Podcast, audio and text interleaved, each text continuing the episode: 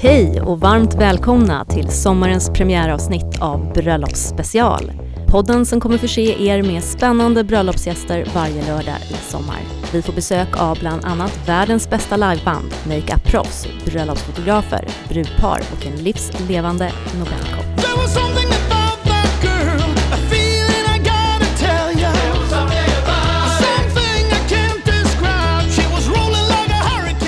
Och med mig vid min sida varje lördag har jag dessutom min partner in crime, min tekniker och favorit-DJ, Simon Matsuyama. Tjena, tjena! Jag heter Mariella Ritschel och driver Wedding Planner Stockholm.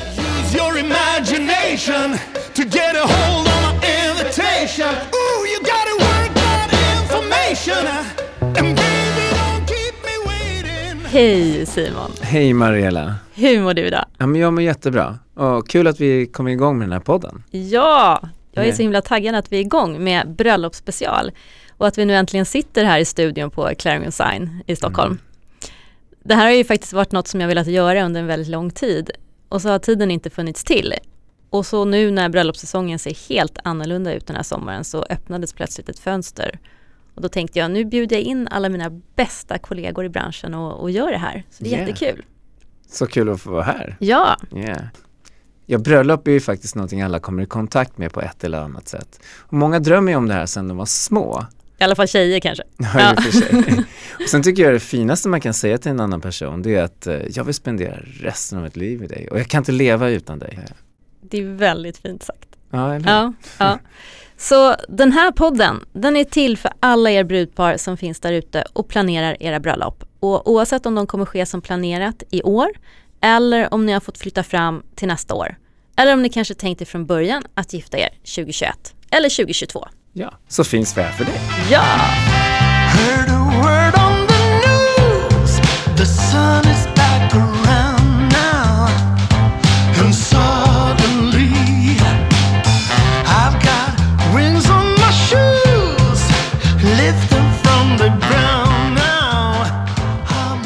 Simon, jag undrar, ska vi börja med att kort presentera oss? För det kan ju vara många lyssnare som inte vet vilka vi är. Mm. Så, vem är du? Jag är Simon Matsuyama. Jag är DJ och festkonsult. Jag har jobbat med det i över 20 år eh, och sen har jag jobbat med superstora event på arenor till supersmå fester eh, och möten. Liksom. Och sen har du och jag gjort helt fantastiska bröllop ihop. Verkligen. Jag älskar ju att jobba med dig för du och dina kunder, ni prioriterar verkligen planering och förberedelse. Ja, men jag gillar ju det också, att göra det här lilla extra för varje kund så att det blir ja, men unikt och speciellt. Och då är det så viktigt att jobba med leverantörer som gillar att arbeta på det sättet också. Verkligen. Mm. Sen älskar jag teknik och eh, nyheter så jag är ute och fiskar så att jag kan göra varje bröllop lite mer speciell, lite mer unik.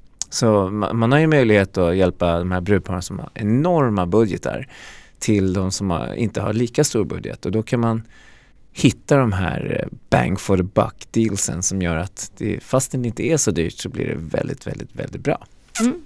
Mariella, nu är det din tur. Vem är du? Jag heter Mariella Ritschel, jag är 46 år och jag bor i Stockholm med mina två döttrar, min sambo och sen så hans två barn. Mm.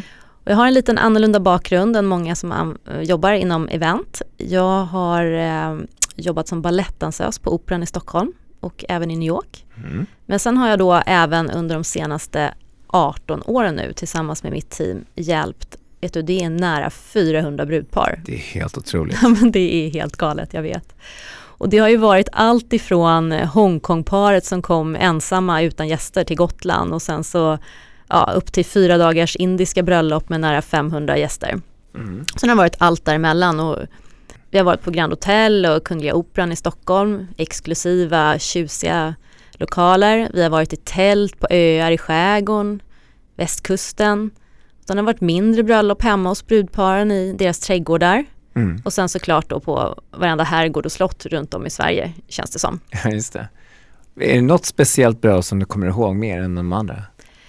Men det finns ju så många, man kan inte riktigt säga någonting. Men kommer du ihåg den där fantastiska vigseln i kyrkan på Skeppsholmen? Ja, magiskt när vi, ja, vi hade en artist som sjöng All of Me och sen så kom eh, servisen in allihopa tillsammans och serverade champagne. Precis, jag hade regisserat dem där sådär superskarpt. så ja men det var ju, mäktigt, ja verkligen mäktigt. Det har verkligen under åren varit otroligt många lyckliga brudpar och det är ju så kul att få dela med sig av den erfarenheten nu. Mm. Så äh, ska vi sätta igång? Ja, Och vi ska nörda ner oss i en del av bröllopsplaneringen som jag alltid rekommenderar mina brudpar att lägga bra med krut på. Och det är bröllopsfotona. Så vi säger varmt välkomna till våra allra första gäster i Bröllopsspecial. Top notch bröllopsfotograferna Alicia Swedenborg och Linda Broström. Hej! Hej hej! välkomna hit! Tackar, tackar. Det är så kul att ni är här. Och få vara först, det är Ja. stort. Ja, det är lite stort. Jag tänkte börja med att säga att ni arbetar ju inte tillsammans dagligdags utan var för sig. Men ni är ju mina absoluta favoritfotografer så jag kände att jag ville ha er här båda två samtidigt. Och sen så tänkte jag också, ni fotar ju med lite olika stil, eller ganska olika stil. Så det kan vara lite kul också för lyssnarna att få höra hur ni arbetar. Mm. När jag har brudpar som jag hjälper så brukar en av de första delarna efter att de bokat vigselplats och festlokal, det brukar vara att börja leta efter en duktig fotograf. Just för att det är, ja, det är ju en del som är viktig i och med att bröllopsfotona är någonting som ska bestå. Så det är viktigt att lägga en del av sin budget på det tycker jag. Och sen har vi också den delen att ni bokas ju upp rätt snabbt. Men hur gör man nu då om man inte har en bröllopskoordinator som har kurerat fram massa olika förslag till en? Hur börja, var börjar man leta? Det finns ju liksom en uppsjö av bröllopsfotografer. Linda, vad säger du? Ja, det är nog bara att slänga sig ut. Ehm, som sagt, det finns en djungel av fotografer. Det finns jättemånga duktiga fotografer. Ehm, men det finns också väldigt många olika stilar. Eh, och folk som jobbar på olika sätt med olika arbetsmetoder och levererar väldigt mycket olika saker. Så börja som vanligt, kolla med vänner och bekanta. Se vilken bildstil ni gillar. Det är ingen, inget lätt svar att hitta på, men det är lite som med musik. Det finns sjukt mycket bra musik med galet olika stilar. Man kan tycka om flera olika. Men någonstans måste man ju till slut eh, få ihop det till med vilken stil vill vi ha på våra bröllopsbilder. Och där är det ju bara att, att titta.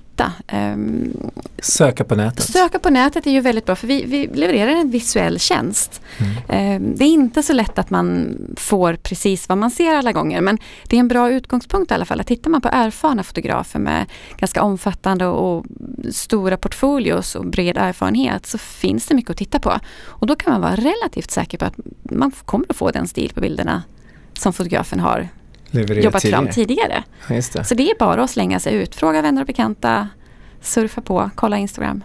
Snyggt. Kolla andra, andra bröllopsleverantörer. Ko- Koordinatorer i all ära men det finns även andra som jobbar i branschen som kanske har koll även på fotograferna. Just det.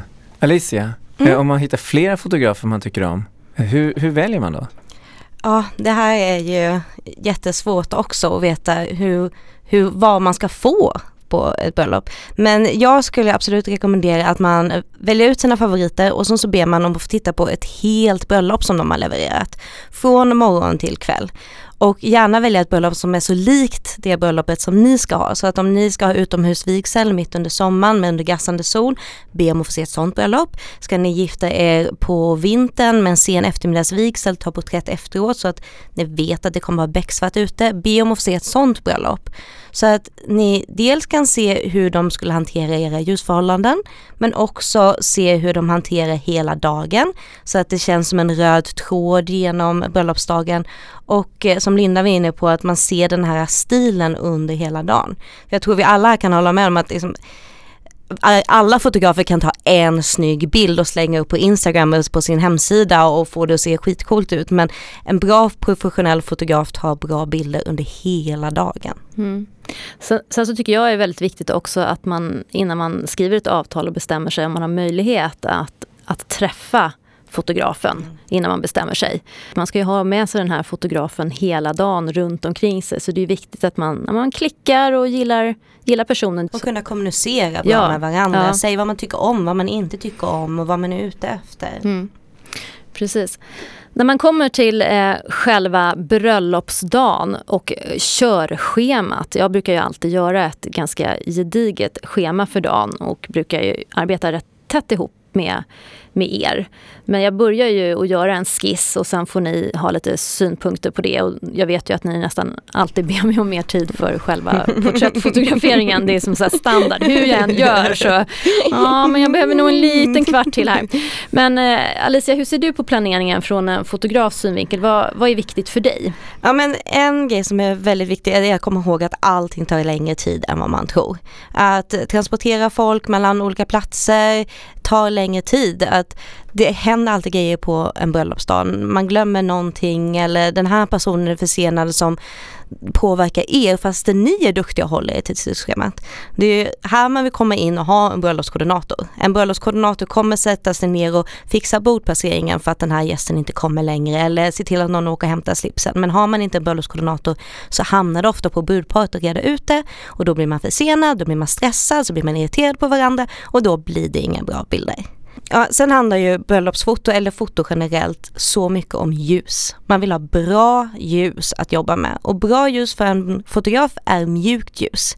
Mjukt ljus får man på eftermiddagarna och ju närmare man kommer solnedgången desto bättre blir ljuset.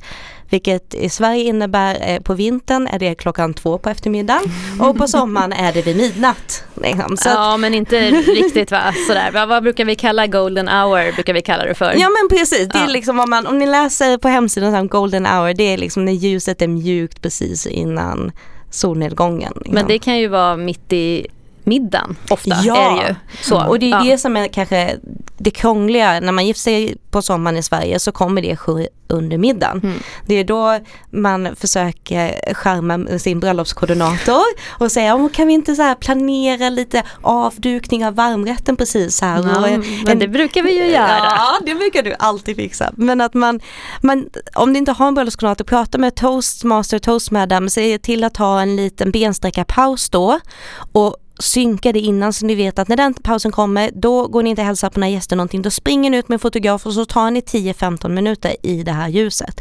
Ja, men precis, och det är ju, alltså många gånger så brukar det gå ganska bra att tajma det just med utduk av varmrätt. Ja. Av någon anledning så lyckas man få till det där och man ja, justerar lite med vissa talare och sådär Ja. så brukar det gå bra. Man säger golden hour, men i Sverige eftersom vi ligger så långt norrut så har vi ganska mycket tid att leka med. Om man är närmare ekvatorn, om ni skulle gifta er liksom i södra Europa istället så kommer ni ha lite kortare tid att leka med. Ja. Men vad som, vad som är allra bäst det är liksom att man man har gjort alla måsten på dagen som brudpar. Man har bara fått massa tal och massa kärlek från nära och kära. Man, bara, man trippar på moln. Mm. Alltså, det är en sån här lycka som är obeskrivligt fin att fånga på bild. Ja. just den tiden på dagen så får man ju alltså både och. Man får både det här fantastiska ljuset och normalt sett ett väldigt avslappnat brudpar. Ja. Mm. Eller kommer du ihåg där uppe i Övik Alicia, vi fick sån här dimma som kom in över den här golfbanan. Det var ju faktiskt helt magiskt. Och då hade vi faktiskt redan varit ute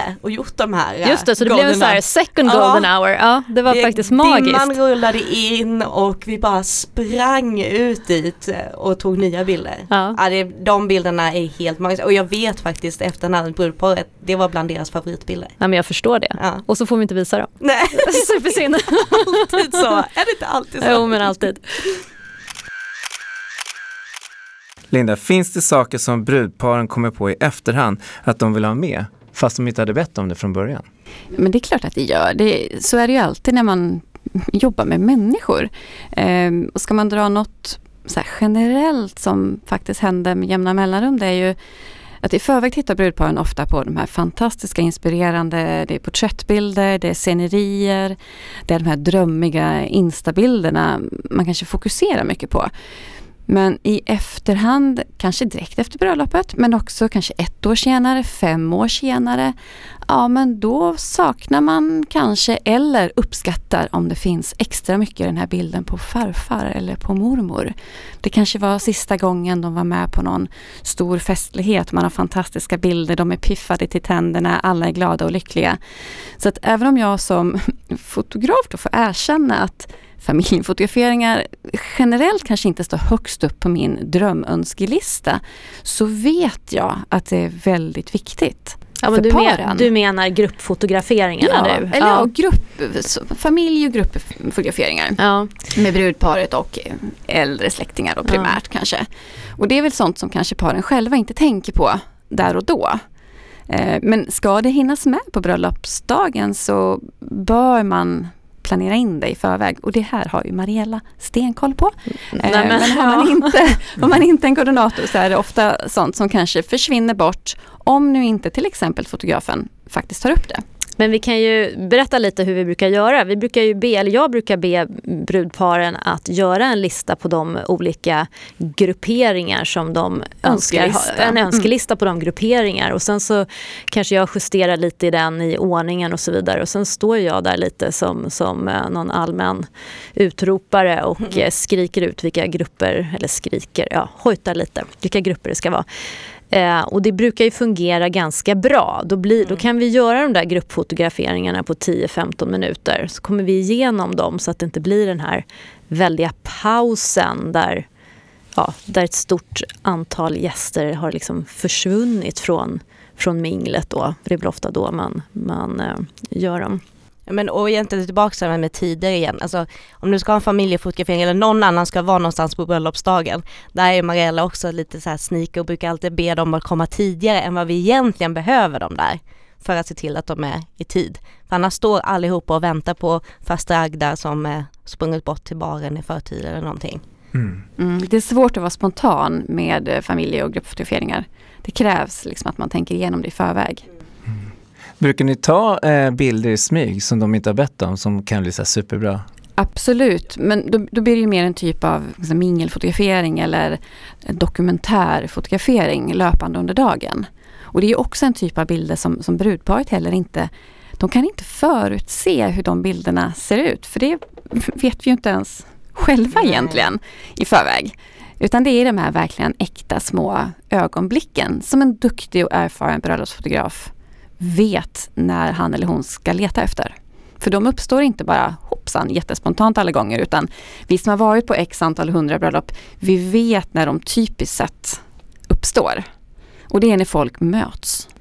Mm. Och då får man titta och vara med och vara lite extra påpasslig just då. Men sen har ju ni fotat så otroligt många bröllop så ni har ju liksom koll på hur, hur går en bröllopsdag och i och med att ni också får ett schema av mig så har ni ju rätt bra koll på de stora bitarna under Mm. dagen. Så, att, så det, det som blir överraskningar är ju ofta ja, men det är ju små saker om någon tappar ringarna i kyrkan eller något sånt där. Mm. Att något händer liksom. Men det bör jag också säga till om du har en fotograf och du inte har en bröllopskoordinator att säg till fotografen allting som ska hända. Om ni ordnar liksom en överraskning för gästerna, ni ska spela någon speciell låt när ni går ut eller ni ska kasta blomblad vid ett tillfälle som inte är det vanliga tillfället. Säg till. För att en fotograf måste vara på plats och måste vara redo att ta bilden. Vi vill inte ha de överraskningarna. Nej men precis, nej. Eh, många par de kan vara lite sådär oroliga, speciellt inför porträttfotograferingen vet jag. Jag får ju höra lite orosmoment ibland om att ah, jag blir ju aldrig bra på bild och jag känner mig så stel och hur ska det här gå? Va, vad säger du till dem Alicia? Nej men alltså som jag nämnt innan, gott om tid. Ingen blir bra när de är stressade. Men sen så tycker jag nog att det allra viktigaste är att bara vara sig själv. Lite som Linda var inne på, man kollar på Instagram och får en sån förutfattade meningar av hur ett brudpar ska se ut. Men det är ni som är brudparet, ni, ni som ska se ut. Alltså, vissa brudpar är jättebubbliga och jätteskrattiga och flamsiga och det är så de visar kärlek. Men andra är lite mer lugna och intima och kanske visar kärlek genom att bara stryka en hand på den andras kind. Alltså att våga vara er själva och våga släppa fram det. Och jag lovar alltså att en bra bild är inte en exakt pås, en bra bild är en känsla. Och eh, det skulle jag verkligen vilja inflika också att Eh, det här också visar hur viktigt det är att man träffar sin fotograf i förväg. Så att man känner att man kan vara sig själv i den här fotografens närvaro. Personkemin där, man behöver, man behöver inte bli bästa vänner för att kunna vara en bra bröllopsfotograf. Men man behöver kunna bete sig på ett sätt som gör att brudparen känner sig lugna med att kunna vara sig själva. Ja, men ett tips kan ju vara då att man låter er ta ja, det som man kallar för förlovningsfoton eller att man ses någon vecka eller några dagar innan och tar bara lite jag säga, provfoton då om man känner sig väldigt orolig och stel eller att man låter er vara med om man har något event kvällen innan. Att ni får vara med då. Oh, Gud, ja. Så att det blir liksom mer, ja men då blir man lite mer naturlig eller lite mer bekväm inför kameran tänker jag. Det kan vara, absolut vara ett sätt men jag tror heller inte att det nödvändigtvis måste vara så att man just fotograferar innan.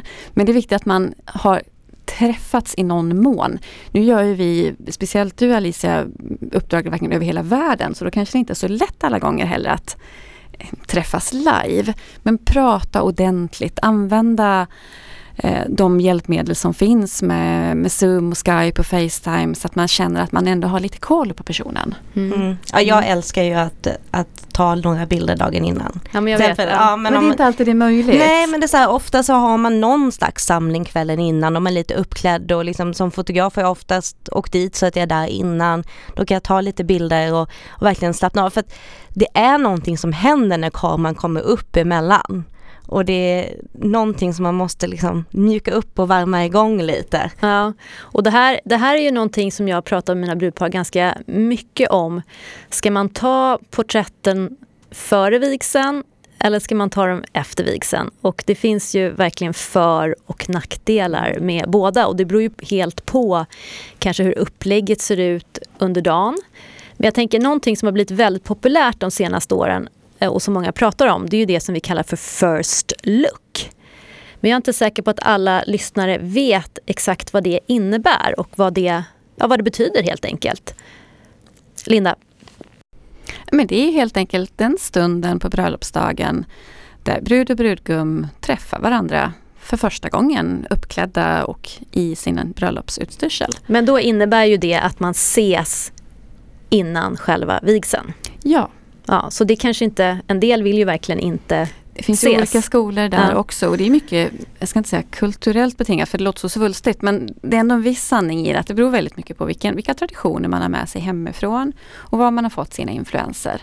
Eh, jag som fotograf, jag har egentligen ingen bestämd uppfattning om, om bilderna blir bäst före eller efter vigseln, om man tänker porträttbilderna. Jag tror inte man kan gå till min portfolio och pinpointa vilka bilder, vilka porträttbilder är tagna före och efter vigseln. Ja men det, Det- det- det är okej, det kanske man inte kan. tror Ja. det många gånger men det, det kan man de facto inte utan jag säger ofta att eh, det som ska avgöra är snarast logistiken och sen parets helt personliga preferens. Men jag, jag tänker ju lite, om man, om man gör de här first look och porträttfotona precis innan vigseln, då är man ju helt, alltså speciellt bruden då, man har inte gråtit och det finns ingen mascara, eyelinern ligger perfekt, håret är perfekt, du har inte blivit kramad av hundra gäster och så vidare. Att det kanske finns en fördel med att göra det då. Samtidigt som jag vet att det finns en viss spänning i liksom, och anticipation inför själva vigseln. Och ibland har det ju det släppt och då finns det mer, liksom, mer lyckliga, glada, avslappnade ansikten. Så för mig, jag har nästan de senaste åren här nu, jag vet inte om ni har tänkt på det, men att man lägger in både och. Jag tänkte ju säga Mm, det, ja. varför välja? Ja, eh, precis. Men, men sen har man ju märkt också då att ibland är det svårt att utföra den här first look och porträttfotona innan. Och det kan ju vara till exempel om man har alla gästerna inbjudna till en herrgård och brudparet själva gör Ja. sig i ordning där. För då får man en ja, man får ju logistikkonflikt där, där man inte riktigt vet vad man ska ta Ja, var, var ska man ta vägen liksom? Vad, vad har ni för tips där? Ja, men först och främst kan jag tycka, alltså First Look kom ju från USA, alltså där man skulle ses innan vigseln och det blev ju en sån succé för att man skulle fota när man såg varandra och helst skulle liksom mannen gråta stora tårar av glädje och det, liksom, det var därför det slog så himla stort.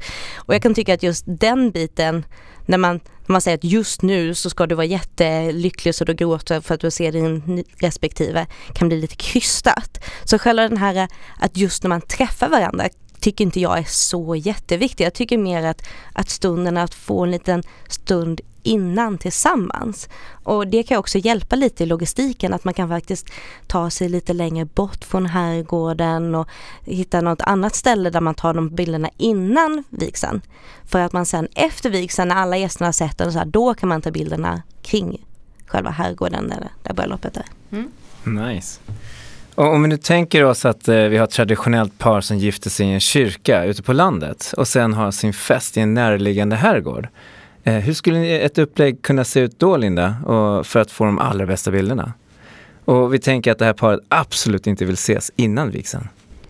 Ja, men då handlar det ju precis om vad vi faktiskt har varit inne på redan, att man får fundera på logistik. Man får fundera på vad har vi för tidsram? Vilken tid är vigseln på dagen till exempel? Är det en sen vigsel har man ju oceaner av tid att åka till eh, andra ställen och ta, som jag gjorde med dig Mariella någon gång, brudporträtt separat, väldigt gott om tid. Men då blir det ju tajt om tid efter istället man ska då ta porträtterna eh, efter själva vigselceremonin. Eh, Men där Men- gäller jag tänker, där gäller det ju också att man eh, har någonting som händer under minglet. Och, och för jag kan, gästernas skull ja. Precis, och jag kan ju tycka att är det en liten transport så är det lättare för då händer någonting för gästerna. Det är svårare de gångerna när man är på samma, när man har en utomhusvigsel och sen stå, sitter man kvar eller står kvar på samma Och då måste ställe, man ju nästan ta sig iväg med brudparet för att inte ha en publik Ja men precis. eh, av alla gästerna. Ja. För det blir störande för, för egentligen för alla parter. Brudparet kan inte koncentrera sig. Som fotograf kan jag bli påverkad av att folk kanske kommer att prata med brudparet och man kanske inte får de vinklar man vill på grund av att platser i miljön helt enkelt är upptagna. Mm. Så det är som så mycket annat kring bröllop, planering är tricket. Ja. Eh, Och det är svårt att säga någon generalregel, det här stämmer alltid. Utan det beror på vilken tid på dagen har man det, vad har man för förflyttningar att förhålla sig till och vilka platser har man att jobba på. Men någonstans måste man vara, mm, inse att har man väldigt lite tid till förfogande, ja då kan man inte trycka in en timmes porträttfotografering en halvtimme bort. Nej men det, det har ni väl aldrig fått av mig tror jag va? Nej. Men det tror jag också är lite problemet att du vet, folk börjar på Pinterest och Instagram och börjar så här, spara ner vad, hur man ser sin bröllopsdag framför sig. Men vad man inte inser är att du har sparat ner den bästa bilden från hela det här bröllopet. Som du inte vet planeringen på. Nej, och sen så ska du få in Liksom, du vill ha 50 sådana bilder från ditt ett bröllop. Åka till den här sjön här och du vill upp hit och fram och tillbaka. Alltså, man, man måste ha Eller realistiska... som du också var inne på tidigare, titta på inspirationsbilder med rätt förutsättningar. Ja. Så man inte får, vilket ju har hänt mig, en eh, sommarbild tagen i ett växthus som inspirationsbild till ett eh, decemberbröllop på Ja, eftermiddagen det hade vi här nu. Ja precis. Det är lite skev, liksom, skeva föreställningar om vad som går att göra. Och så frågar man, eh, finns det något växthus i Stockholm i december? Ja, mm, Ja, vi kanske kan ordna det men det kommer inte se ut som växthuset som du hade in mind. En sak som jag blev väldigt förvånad över faktiskt som jag hörde från några andra fotografer de här, ibland ser man ju så här fantastiska naturbilder och man undrar ju liksom hur, jag som koordinator undrar ju hur har det här gått till? Men då har jag ju fått veta att nej men det är ju inte riktigt på bröllopsdagen de här bilderna togs utan det kan ju ha varit några dagar före eller senare. Du menar på bergstoppen eller ute i Ute på bergstoppen. Saltöknen och Ja men liknande. precis. Ja, Och men jag- det är jag- så sneaky. så det, det kan ju vara någonting att tänka på också. Att det, det, det finns ju bara så mycket som man kan göra inom ramen för en timme ungefär där minglet pågår. Mm. Och vill man ha den här bilden på bergstoppen och med giraffer, giraffer kan vara lite svårt att fixa i Sverige, men vill man ha det då kan man alltid träffa sin fotograf efter bröllopet och ta de här bilderna. Men man ska förstå att de tas inte på bröllopsdagen Nej, oftast. men sen ska man också tänka på att det, det tar ju rätt mycket energi från brudparet, alltså som brud och brudgum under dagen på grund av nerver och känslor och allt annat. Så att det är inte säkert att man orkar med värsta utflykten heller. Nej. Så. Eh, Jag tänkte att vi skulle ta ett till exempel här. Om, om vi skulle ha ett mer urbant stadsbröllop, Alicia. Mm. Hur får vi fram de eh, bästa bilderna här? Ja, men alltså jag älskar ju när folk eh, oavsett kön vågar gå för den här typiska bröllopsnormen och göra någonting som är mer personligt. Ehm, att men kanske i det här fallet gör man sig i ordning tillsammans. Det är faktiskt väldigt härligt för om man tänker på en bröllopsdag så spenderar man väldigt lite tid med den man gifter sig med. Man träffar massor med andra människor men man har nästan ingen tid på tur man hand. Så jag kan tycka det är lite mysigt att få gå omkring med de här bröllopsnerverna och få hjälpa varandra att göra sig i ordning och så. Jag tror det kan, alltså jag vet ju att det blir helt fantastiska bilder av det. Ja, men jag har faktiskt haft ett sånt eh, brudpar. Det är ju rätt ovanligt Ja. att man gör sig i ordning tillsammans. Men då hade inte de några brudtärnor och eh, marskalkar och så. Men de bilderna när liksom han hjälper henne att knäppa klänningen och hon knyter flugan på honom och så. Det är ju bilder som man väldigt sällan ser. Ja. Men, men då, då får man ju utgå ifrån, eller då, då bygger det ju liksom på att man vill ses innan. Ja, och att man inte har absolut. den idén eller Ja. föreställningen om hur det ska gå till. Och det är också väldigt coolt med stadsbröllop att man kan verkligen sätta bröllopsbilderna i ett större sammanhang. Alltså säg att man kommer från Stockholm, och har bröllopet i Stockholm, men då kan ni ta bröllopsbilderna på platsen där ni träffades eller där ni friade eller bara där ni går på söndag en promenad på er lilla magiska plats. Eller om man har tagit alla gästerna och dragit till Paris eller någon annan storstad, då vill man ju ta några bilder där så man ser att man är i den staden. Alltså en fin grönskande plats, ja det är alltid fint, men arkitektur eller landmärken kan ge liksom en annat perspektiv och liksom sätta in i ett bröllop i ett större sammanhang som jag kan tycka är väldigt fint. Ja. Mm.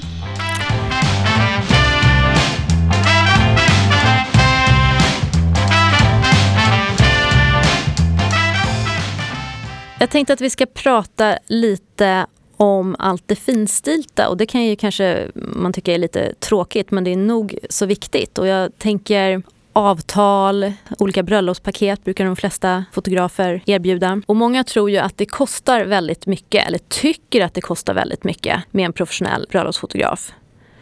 Gör det det? Hur långt är det här berömda snöret? Ja. Eh, nej men det är klart att eh, anlitar man en eh, erfaren bröllopsfotograf som har mycket eh, erfarenhet bakom sig och vet precis hur allting ska gå till. Hon har gjort det förut eh, och det levereras en sjuk mängd redigerade bilder. Så är det klart att prissumman blir i siffror mätt relativt stor. Det kan nog många hålla med om. Sen att sätta det i pariteten om det är billigt eller dyrt det är ju någonting helt annat för det beror ju på vad man jämför med och vad man får för pengarna. För vad man ska vara medveten om är att när man köper en bröllopsfotograf så köper man ju en tjänst. Man köper dels tiden och i det ligger en galen massa dold tid som man som brudpar kanske inte tänker på Nej, att precis. fotografen behöver lägga ner. Men man köper ju också en eh, konstnärlig stil, man köper en trygghet. Det låter kanske tråkigt men när man köper erfarenhet så köper man sinnesfrid till stor del också. Mm. Ehm, Men också då en, en personlig stil på den fotograf man, man anlitar. Ehm, Men jag tror många kanske inte tänker på just där förarbetet. Både för och efterarbete. Och, och, precis, och då tänker jag att ni kanske kommer ut, åker ut någon dag innan och rekar, lägger tid på det. Ni träffar ju brudparet såklart. Mm. Och sen allt efterarbete då, all Och för, för mig är den stora tidsåtgången ligger ju efter bröllopet. Eh, och det är med sortering och redigering av bildmaterialet. mm. Eh, Så det är väldigt, väldigt många fler timmar än vad man kanske först tänker på. Och jag förstår att eh, ovana bildköpare, att brudpar kanske tycker att det låter mycket för att just man, man har inte riktigt koll innan man börjar kolla runt. Och det tror jag är viktigt att vi som professionella också får ha en viss ödmjukhet inför. Nej men det har ju jag märkt att man, nu, nu råkar ju då som jag sa i, i, när vi började prata att bröllopsfotografer är en av de delarna som jag gärna vill att de börjar titta på i tid just för att ni bokas upp ganska långt i förväg Mm, och så vidare. Men då blir ju det en av delarna som kommer först i bröllopsplaneringen. Det är lite som när man börjar köpa julklappar. Första julklappen är alltid liksom dyrast och sen kommer man, i, sen kommer man igång lite grann. Men man betalar ju också för att vi har med oss rätt utrustning. Ja. Alltså det ska man inte glömma. Alltså, Nej. bra fotoutrustning är extremt dyrt. Mm. Eh, Jag själv fotar med fyra olika kameror på bröllopsdagen som jag byter och till varje kamera ska jag ha en backup. Till varje blixt ska jag ha en backup-kamera Mm. liksom om någonting händer. Mm. Det är det man också betalar för. Mm. Att om jag tappar kameran i sjön medan vi tar bilder kan jag bara plocka upp nästa kamera och fortsätta fota. Ingenting kommer bli påverkat under bröllopsdagen. Skulle vädret ändras, det ska vara strålande sol, det är åskmoln och mörkt, så har vi utrustningen att hantera det.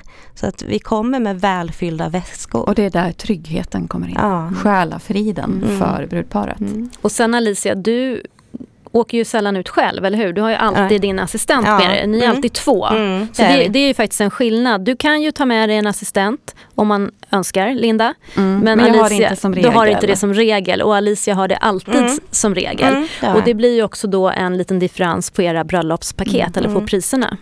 Mm. Och en anledning till att jag har det är att jag fotar mycket analogt. Så att jag blandar digitalt och analogt och då har jag hjälp att ladda filmrullar lite snabbare när det behövs. Och, och sen tycker jag om att vara på två platser samtidigt. Ja men det finns ju absolut eh, fördelar med det. Jag skulle också önska ibland att jag kan helt klona mig. Jag har ju mina Det är jag assistenter. du har ju ja, det. jag har det absolut. Men ibland så vill jag ha två munnar på bröllopsdagen. Men det är jätteskönt till exempel om vi pratade om att man ska gå och ta porträttbilder under brudskålen. Men då kan jag skicka dit någon som fotar hela det och får dukning och allt sånt här medan jag är och tar porträttbilder. Ja. Så att man Mm. kan vara på två platser samtidigt. Ja, det är ju super. Hur, hur hanterar du det Linda, om du behöver vara på två platser samtidigt? Ja, men det är ju god planering som gäller även där. Att försöka få till att det finns tid att gå emellan och göra olika delar. Och inser jag att det verkligen inte går för att brud och brudgum till exempel görs i ordning på två olika hotell och det är inte möjligt att springa emellan. Ja men då, då måste ju även jag plocka in en assistent för den tiden eller för det jobbet. Eh, Men jag har inte en, en fast eh, assistent som jag alltid jobbar med. Nej. Utan det är lite mer baserat på brudparets Behov helt Behov. enkelt. Ja, Mm. ja. En fråga som jag tror att många, speciellt liksom nu i nuläget när det läggs upp så mycket bilder på Instagram och Facebook och andra sociala medier. Och det kan ju vara kanske lite känsligt att ta upp för brudparet och, och fråga om det här. Men hur jobbar ni med det? Lägger ni upp helt fritt bara eller det- jag tror att det är många som inte riktigt vet hur det fungerar med upphovsrätten. För en yrkesfotograf, eh, professionell bröllopsfotograf, så får inte det här vara en känslig fråga. Det ingår i vårt jobb att ta upp det här med brudparen. Även om de själva inte för det på tal. Så ni gör alltid det? Ja, absolut. Ja. Det är en absolut förutsättning. För vi får ju inte, även om vi alltid har upphovsrätten enligt svensk lag som fotograf, att arbetet som en fotograf gör tillhör fotografen. Det innebär inte att vi samtidigt får göra vad vi vill med materialet. Det finns andra bestämmelser och lagar och regler som till exempel innebär att bilderna inte får användas kommersiellt i reklamsyfte utan godkännande av de som kan identifieras på bilden. Enligt lagen om namn och bild i reklam till exempel. Eh, så att upphovsrätten är fotografens men fotografen kan inte göra vad den vill. Nej. Så det här måste man ta upp. Ja. Ta upp och sätta in i avtalet. Så att det inte kan bli några otydligheter i efterhand om vad man egentligen har kommit överens om eller Ja, inte. men precis. Och det, jag frågar ju också ja, både er Mm. som fotograf och sen självklart alltid brudparet om man får lägga upp.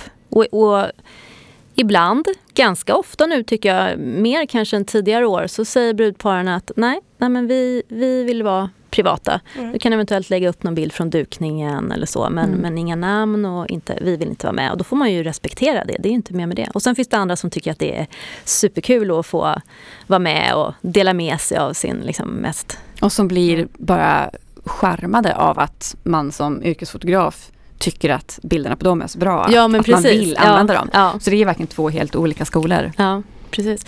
Men sen efter bröllopsdagen då, hur, hur länge brukar man få vänta på bilderna innan man får dem levererade? Alltså det är ju jätteolika mellan olika fotografer hur man jobbar och också vilken säsong det är. Alltså under sommaren när alla andra har sommarlov och åker till landet, då sitter vi och jobbar till ögonen blöder liksom, framför datorerna. Så att det är väldigt olika. Men återigen, se till att prata med fotografen innan ni bokar och skriv ner i avtalet när ni ska få bilderna, hur ni ska få dem, vad händer om ni inte får dem. Så allting sånt är utrett innan. För att ändå ge en siffra för att faktiskt svara på Ja, frågan. på riktigt också. Jag har ju mitt avtal, det är ju inte representativt för alla men det är mitt avtal. Ja. Har jag att eh, man ska få sitt eh, bildleverans åtta veckor efter bröllopsdagen. Sen i praktiken, de som gifter sig på våren och försommaren kanske får sina bilder på två, tre veckor. Gifter man sig i september, då får man med största sannolikhet vänta sina sju, kanske åtta veckor. Ja, okej. Men, det tror jag är ganska normalt. Ja, Alltså, det tror nej, jag men, också. nej, men det, nej men det tror jag också, absolut. Sen vet jag ibland att eh, ni båda har skickat ut några sådär få, tre, fyra, fem bilder ibland som en liten blänkare liksom, tidigare. Och det hänger ju mycket ihop med att man kanske vill kunna visa upp någonting på Instagram. Eller Ja. att brudparet vill kunna få någon bild att gå ut med i sina kanaler. Att titta, vi är faktiskt gifta och då vill man ha någon riktigt fin bild.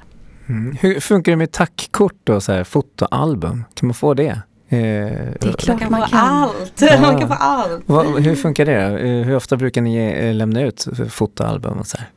Det tror jag också skiljer väldigt mycket mellan olika fotografer vad man har för arbetsflöde. Eh, Men jag erbjuder alltid album till mina par. Sen är det inte alla som känner att de vill.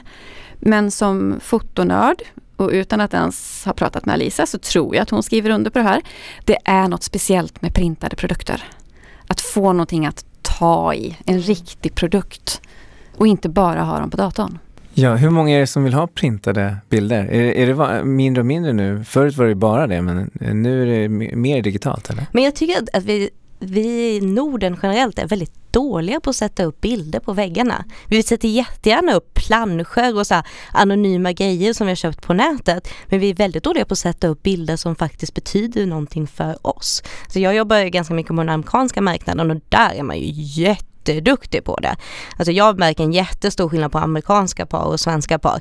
Där är det album, ofta flera volymer, det är liksom stora printar på väggen, mamma och pappa ska ha printar och liksom man ger bort i present liksom till familjen.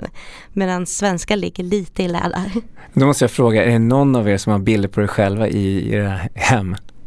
Ja, Ni har det?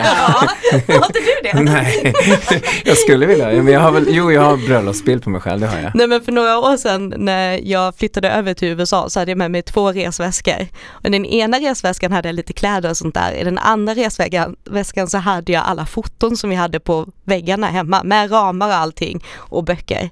Den blev lite övervikt så vi, vi fick ju stå där på Arlanda och slänga ut typ böckerna för att fotona tänkte jag inte lämna i Sverige. Så jag reste liksom med inramade foton över Atlanten. Ja, hörni, nu så är ju ni de allra första gästerna här i vårt bröllopsspecial här i sommar och då tänkte jag avsluta med tre snabba. Så får ni svara båda två typ samtidigt. Den som är först. Ja. Porträtt eller mingel? Båda. Ja, det är jättetråkigt svar alltså. Jättetråkigt. Jättetråkigt svar. Men sen så här, eh, för att gå- få igång min kreativa känsla och för att jag ska tycka att det är kul, då säger jag porträtt. Eh, Men jag skulle aldrig vilja plåta ett porträtt helt utan mingel heller. För det är där känslan sitter. Man gifter sig för sin egen skull.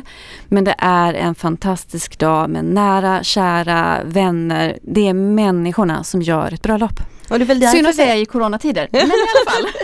Och, men, och jag skulle säga att det är därför vi är bröllopsfotografer. För vi tycker om hela den här aspekten. Annars hade vi varit renodlade porträttfotografer. Men vi tycker om alla delar. Vi tycker om möten med människorna, relationerna som kommer fram och liksom allt från den här mer nervösa förberedelserna till att man liksom röjer på dansgolvet till Simons musik. Mm. Liksom, alltså, Mm. Det är ju allting vi tycker om. Svartvitt eller färgfoton? Färg. Jag tycker också om färg. Fast jag måste säga så här, det är riktigt så här grynigt gammeldags analogt foto liksom. Som ett stort korn i. Mm. Fast en del svartvita är ju riktigt härliga. Absolut. Ja, ja. Men färg innehåller en annan dimension. Just också med tanke på att ett bröllop innehåller så många speciellt utvalda färgdelar. Okej, så under en 15 timmars bröllopsdag, mat eller vila? Mat och en kissepaus. Absolut. Kanske mat så småningom. Och Simon, vad säger du då? Mat eller vila? Mat, ah, absolut. Ja, men jag visste att du skulle säga det. Jag vet inte, var det du som var, ja det var Linda som var med jättelänge sedan på Näsby slott. Jag tror det var ett av de första Ah, bröllopen jag vet vi gjorde med, med Simon. Och vi stod där och hade massa, jag vet inte vad vi hade för tekniska problem eller blomproblem eller någonting. Och så säger Simon, men mat då? Alltså, det är ju en, hel, det är ju en jättelång dag. Alltså jag måste ju äta sju gånger per dag. och då tänkte jag bara, åh nej, vad är det här? Det här kan jag inte serva med också. Men, men det gick ju bra. Tusen, tusen tack för att ni var här idag. Det varit så härligt. Så roligt. Har ni nu frågor angående er bröllopsfotografering som ni inte tycker ni fick besvarade i dagens avsnitt så mejlar ni till info at weddingplanner.se så ska vi försöka ta upp dem nästa vecka. Och då kommer vi få besök av allas vår Johan Munter, florist på Floristkompaniet. Och det här ser jag verkligen fram emot Simon. Mm. Det finns ju ingenting som kan få en på så bra humör som vackra blommor. Ja, Jag, jag skulle se musiken där. Absolut, jag håller med. Blommor och musik då. Vi kommer reda ut frågor som vilka blommor är vanligast att ha i brudbuketten? Vilken årstid är det lämpligast med liljekonvaljer? Och måste brudgummen ha en blomma på kavajslaget? Och hur mycket kostar blommor till ett bröllop egentligen? Gillar ni det som ni har hört idag och vill höra mer så glöm nu inte att gå in och prenumerera på Bröllopsspecial. Jag som pratat bröllop här idag heter Mariella Ritschel och vid min sida har jag haft DJ Simon Matsuyama. Och tack till dig som har lyssnat på det första avsnittet av Bröllopsspecial. Ha en fortsatt trevlig helg! Ciao!